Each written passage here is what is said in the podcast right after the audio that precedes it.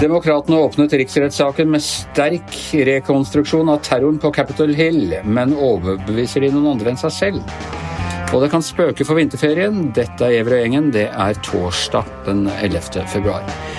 Ja, Hanne Skartvedt og Per Olav eh, Ødegaard, det blir ikke tid til å sitte og binche TV-serier når, når, du har en sånn reality De siste episodene av reality-serien om Donald Trump nå går på live på CNN og, og Fox News. Hvor hvor lenge så du i går, eh, Per Olav? Jeg så eh, fra det startet klokken seks og ganske langt ut på ja, jeg, jeg, ga, jeg, så ikke de siste par timene, for det fortsatte vel ut til klokka to i natt, tror jeg. Og du, Hanne? Jeg så fram til midnatt, og så har jeg en mann som satt og så enda lenger, så han kunne fortelle meg at det var ikke så mye nytt som kom etter midnatt, men jeg føler at jeg er litt orientert også fram til eh, det slutta. Nei, altså rundt, eh, rundt, midnatt så begynte de jo Da begynte de å avslutte og sånt. Men da er det jo alle oppsummeringene på de forskjellige kanalene som jo også er er uh, veldig interessante. Og jeg må jo si det er jo en veldig sterk rekonstruksjon av hva som faktisk skjedde. Vi har fått det i stykker og biter allerede, men det at de drar dette Jeg hater egentlig ordet narrativet, men altså at de lager hele denne fortellingen. De, bygger, de har bygget den opp med hvordan Trump starta allerede på vårparten i fjor med å si at hvis, hvis han tapte valget, så var det fordi det var valgfusk og sånne ting, og bygget opp denne argumentasjonen. Og så er det liksom alle de forskjellige tweetene og sånne ting, og som legges parallelt med alt som skjedde. Og det er jo ikke noe særlig tvil om om han ikke direkte ba dem storme, så er det helt klart at de ville ikke ha gjort det uten han. Eh, det tror jeg man må, selv republikanerne eh, må være enig i. Er dere uenig i det? Nei, altså det er jo det som er hele nøkkelen her. altså Ville dette opprør, ville dette skjedd, ville det som foregikk i Kongressen skjedd uten Trump?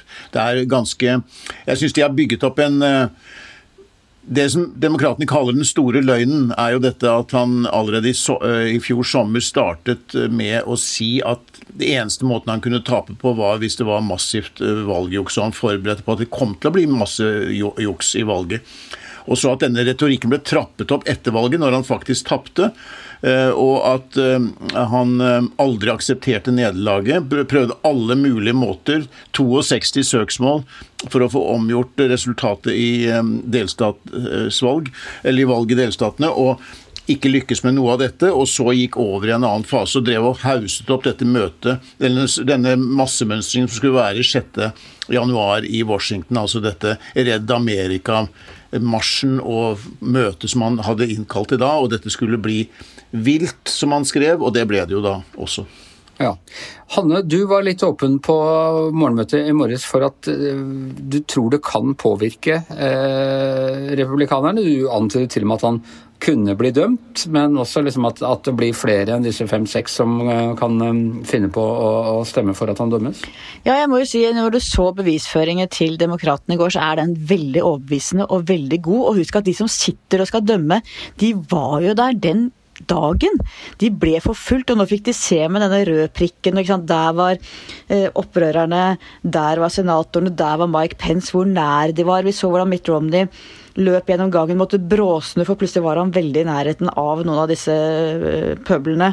Uh, så jeg tenker at det må jo gå inn, og jeg har jo litt sånn trua på menneskene. Jeg kan ikke skjønne at alle republikanerne, bortsett fra de seks vi har sett foreløpig, kan stemme for å frikjenne han. Og så hadde jeg en veldig interessant SMS-veksling med noen gode venner i USA i går. Og jeg spurte dem er det sånn at det må være eh, alle hundre der. At det må være 67 som stemmer for, eh, for eh, dom.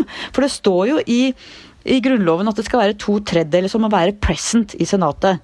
Og da fant jeg ut etter hvert, og de sjekka med noen av sine venner som kan mye om dette, at det holder at to tredjedeler av de som er til stede i Senatet, dømmer han. Så jeg tenkte i prinsippet så kan du se for deg at hvis 17 republikanske senatorer melder seg syke, ikke møter opp, så kan han faktisk bli felt. Og det er en mindre feig altså Det er ikke en modig måte å gjøre det på, men hvis noen av republikanerne virkelig føler seg overbevist om at de må felle han, men de tør ikke pga. Trump-velgerne, så kan de rett og slett si at de har fått korona eller brekt beinet eller hva som helst, og ikke møte og da kan han bli felt. Og Jeg inngikk faktisk et veddemål med disse vennene som jeg tror jeg kommer til å tape, men jeg vedda opp en flaske champagne på at han blir dømt. Det, ja, jeg, jeg har slutta å vedde med deg når det gjelder Trump, men, men nettopp dette at uh, det foregår Altså, denne rettssaken foregår på åstedet, er Eh, veldig spesielt. Og, og, det slår meg også eh, En annen ting som nå er helt forskjellig fra den forrige eh, riksrettssaken, er jo at man har jo fratatt eh, Trump eh, muligheten til å tvitre. Eh, han ville jo ha lagt et massivt press på senatorene og på, på i Representantenes hus og, og, alle, eh, hvis han hadde tilgang på Twitter-kontoen. Det presset er nå eh, fjernet, og det skaper en litt annen atmosfære Per Olav, enn, enn vi hadde under riksrettssaken for et år siden. Ja, han hadde vel langt over 100 tweets, tror jeg, på første dag under den forrige riksrettssaken. Ehm, jeg tror han satte personlig rekord den dagen eh, med antall. Eh, veldig aktiv, og nå er det stille. Og, han, og Twitter sier at han kommer til å være utestengt på livstid. Ehm, men jeg tror allikevel at eh, Trumps eh, hånd over partiet, over velgerne, er så sterk at de eh, republikanerne er eh, i dette tilfellet ikke, deler ikke hans syn på det. Jeg tror de kommer til å fri, frifinne ham. Eh, og jeg tror de kommer til å Du kan ut fra også hvordan demokratene legger opp sin sak, på en veldig overbevisende måte, det er jeg helt enig i, så kommer de til å finne noen smutthull, noen halmstrå, som gjør at de kommer til å kunne frifinne ham. Og jeg tipper at, og jeg kan tenke meg at de kommer til å kjøre videre på dette at hele saken er ukonstitusjonell, selv om et flertall av forfatningsjurister mener at, ikke, at, dette er i orden å føre en slik type sak. Selv konservative um, uh, juseksperter sier det. De kommer til å si at hele saken er bare politisk motivert. Det er for så vidt alle riksrettssaker. De er jo mer politikk enn en, en jus. Og så kommer de til å helt sikkert til å vise til at det er også andre politikere som har oppildnet, eller brukt veldig sterk språkbruk da, for å oppildne. Men uh, det er jo ingen uh, Og det, det, det, finner vi et eksempel på. Altså Sterkt språkbruk, det er, det er ikke ulovlig. Det, er, det, dekkes av ytringsfriheten. Så, men, men, det er ingen som har ført en sånn kampanje over lang tid for å underkjenne et valgresultat og fortsette kampen slik Trump uh, har gjort i dette tilfellet. Noe av det jeg lurer på, som de, som de eh, var spekulert i på kanalen i den der etterpåsnakken eh, i går, det er, og som de foreløpig ikke har kommet så mye inn på, det er hva gjorde presidenten mens alt skjedde? Eh, de, har de noe der? Vil de legge fram noe der? De vet jo at uh, han drev og tweeta uh, om Pence, og at Pence hadde svikta, mens Pence ennå var i fare. Vi så disse bildene i går av hvordan Pence og hele familien ble evakuert, og de, de roper 'heng Mike Pence'. De har bygget galgen utenfor, og, og han holder på at, med at Pence ikke var modig nok. Vil de ha noen kilder inne i Det hvite hus, eller noe sånt, som de kommer til å trekke fram om, om hvordan han uh, reagerte. Hva tror du om det, Hanne? Det kommer ut rapporter uh, enten den dagen eller dagene etterpå om at han hadde sett på TV og gått rundt og jubla og var litt overraska over at ikke flere delte hans entusiasme over hva som var i ferd med å skje. Og Jeg vet ikke om de kommer til å få åpne vitner på det, men det er klart at det er jo veldig sterke rapporter. De har jo brukt andre ting som ikke har vært direkte kildebelagt, og nå kommer de vel ikke til å føre vitner heller. Liksom usikker på hva slags etikk og, og kildebruk man kan bruke i en sånn riksrettssak. Kan man bare hevde hva som helst, eller hva En bevisførsel er jo ofte sterke indisier, og det er, vel, det er jo de bevisene eller indisiene som må vurderes. Da. Vel, det er jo fri bevisførsel. Jeg tror at du kan legge fram hva som helst, og så er det juryen som skal vurdere om det er troverdig eller ikke. Eller hva tenker du, Per Ola? Nei, de, Det de har, allerede har lagt fram, er jo en, den tidslinjen som, hvor de da mener at han for, at han brukte altfor lang tid med å si at eh, nå eh, må, vi, må dere reise hjem, og nå må vi ta det med ro.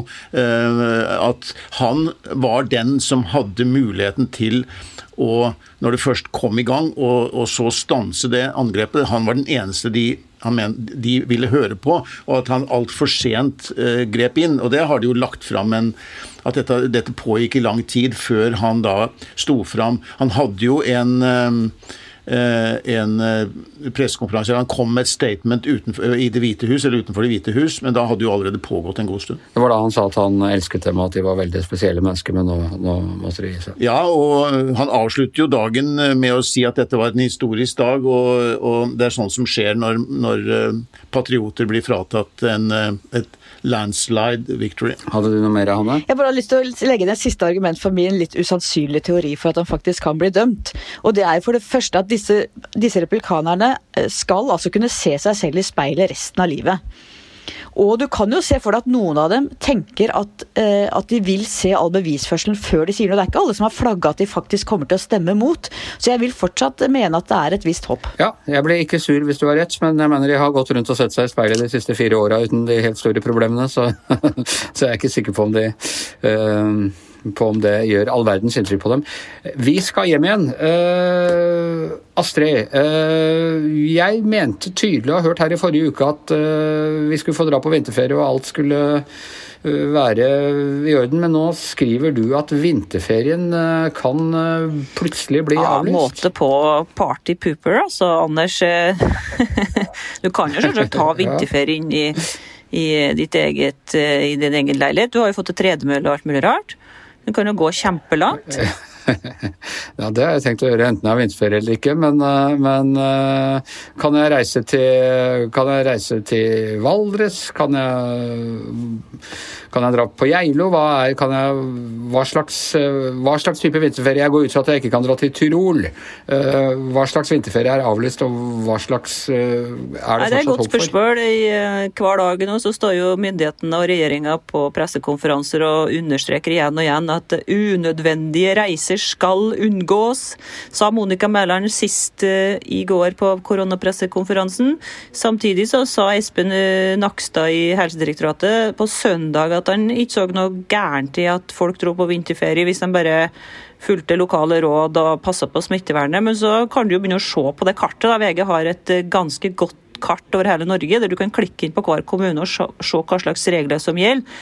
Det er jo helt forskjellige regler. sant? I Voss, da, for å ta et eksempel, så er de jo i ring ja, Nå vet jeg ikke lenger om jeg tør å si om det er ring 1 eller 2, eller om det er A, B eller C eller D. Altså, det er i hvert fall et eller annet tiltaksnivå der som gjør at den meste er stengt.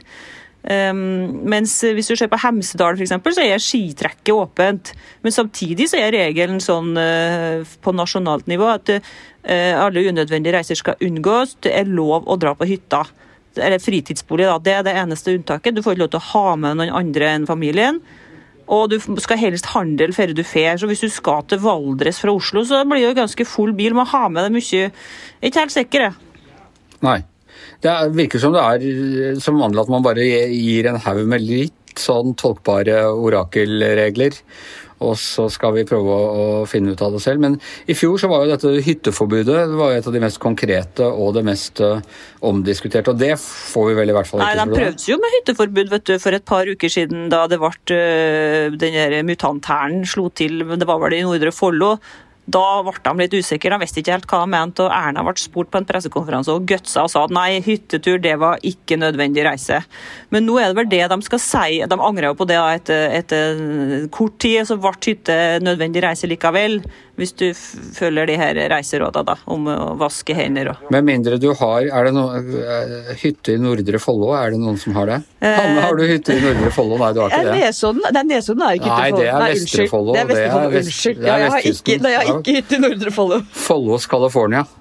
Nei, Nordre Follo, altså hytte, ja. Hytte i Oppegård og sånn. Det er jo, jo men altså, skoger. Det gjaldt jo hele ringen, da. Ja. Det var ingen som fikk lov til å dra ut av kommunen på hytta en periode der for to uker siden. og Så ombestemte de seg. og nå så, I morgen, altså, på fredag, så skal Folkehelseinstituttet og Helsedirektoratet komme med disse vinterferierådene. Og Vi husker hvordan det var i jula. ikke sant? Da ble det jo plutselig en nødvendig reise å dra hjem til jul. Så da ble det lov. Uh, og det ble til og med lov å ha ti på besøk to ganger i, i jula, da. Så spørs det hva de gjør nå. da. De har jo masse bra ting. De har lave smittetall. Går ned og ned og ned. Kjempebra. Hva er denne R-en på nå? Nei, Den eh, er jo langt under 1, altså. Er det 0,8 eller noe sånt nå? Eh, så det er kjempebra. Og så samtidig så har de en tiltakstrøtthet i befolkninga. kom en ny undersøkelse fra Helsedirektoratet i går som viser at alder aldri før har vi vært så lei av tiltak. Og særlig blant unge så er støtten kjempelav. 30-40% Så den har dalt skikkelig. Så det husker han på. Men samtidig så har de altså den her mutanthæren da, som står og popper opp og dukka opp kvart, bak hvert ned. sånn at hvis den kommer til Valdres, da, Anders, hvis det var der du tenkte å dra på vinterferie, så blir jo selvfølgelig det stengt. sånn at det er jo ikke noe sånn langtidsplanlegging som er mulig i, i kongeriket. Det er jo forbudstid. Eh, så jeg har ikke villet bestilt altfor dyr hytte og altfor uh, fete slalåmski med en gang, i hvert fall ikke. Per Olav? Nei, det er ikke noe vektig argument for eller mot uh, restriksjon, men jeg må si at det eneste stedet hvor jeg ikke tenker på korona, er når jeg går på ski oppe på fjellet, og jeg av og til kanskje møter et menneske ved god avstand i dobbeltsporet, og jeg tenker på alt mulig annet enn korona.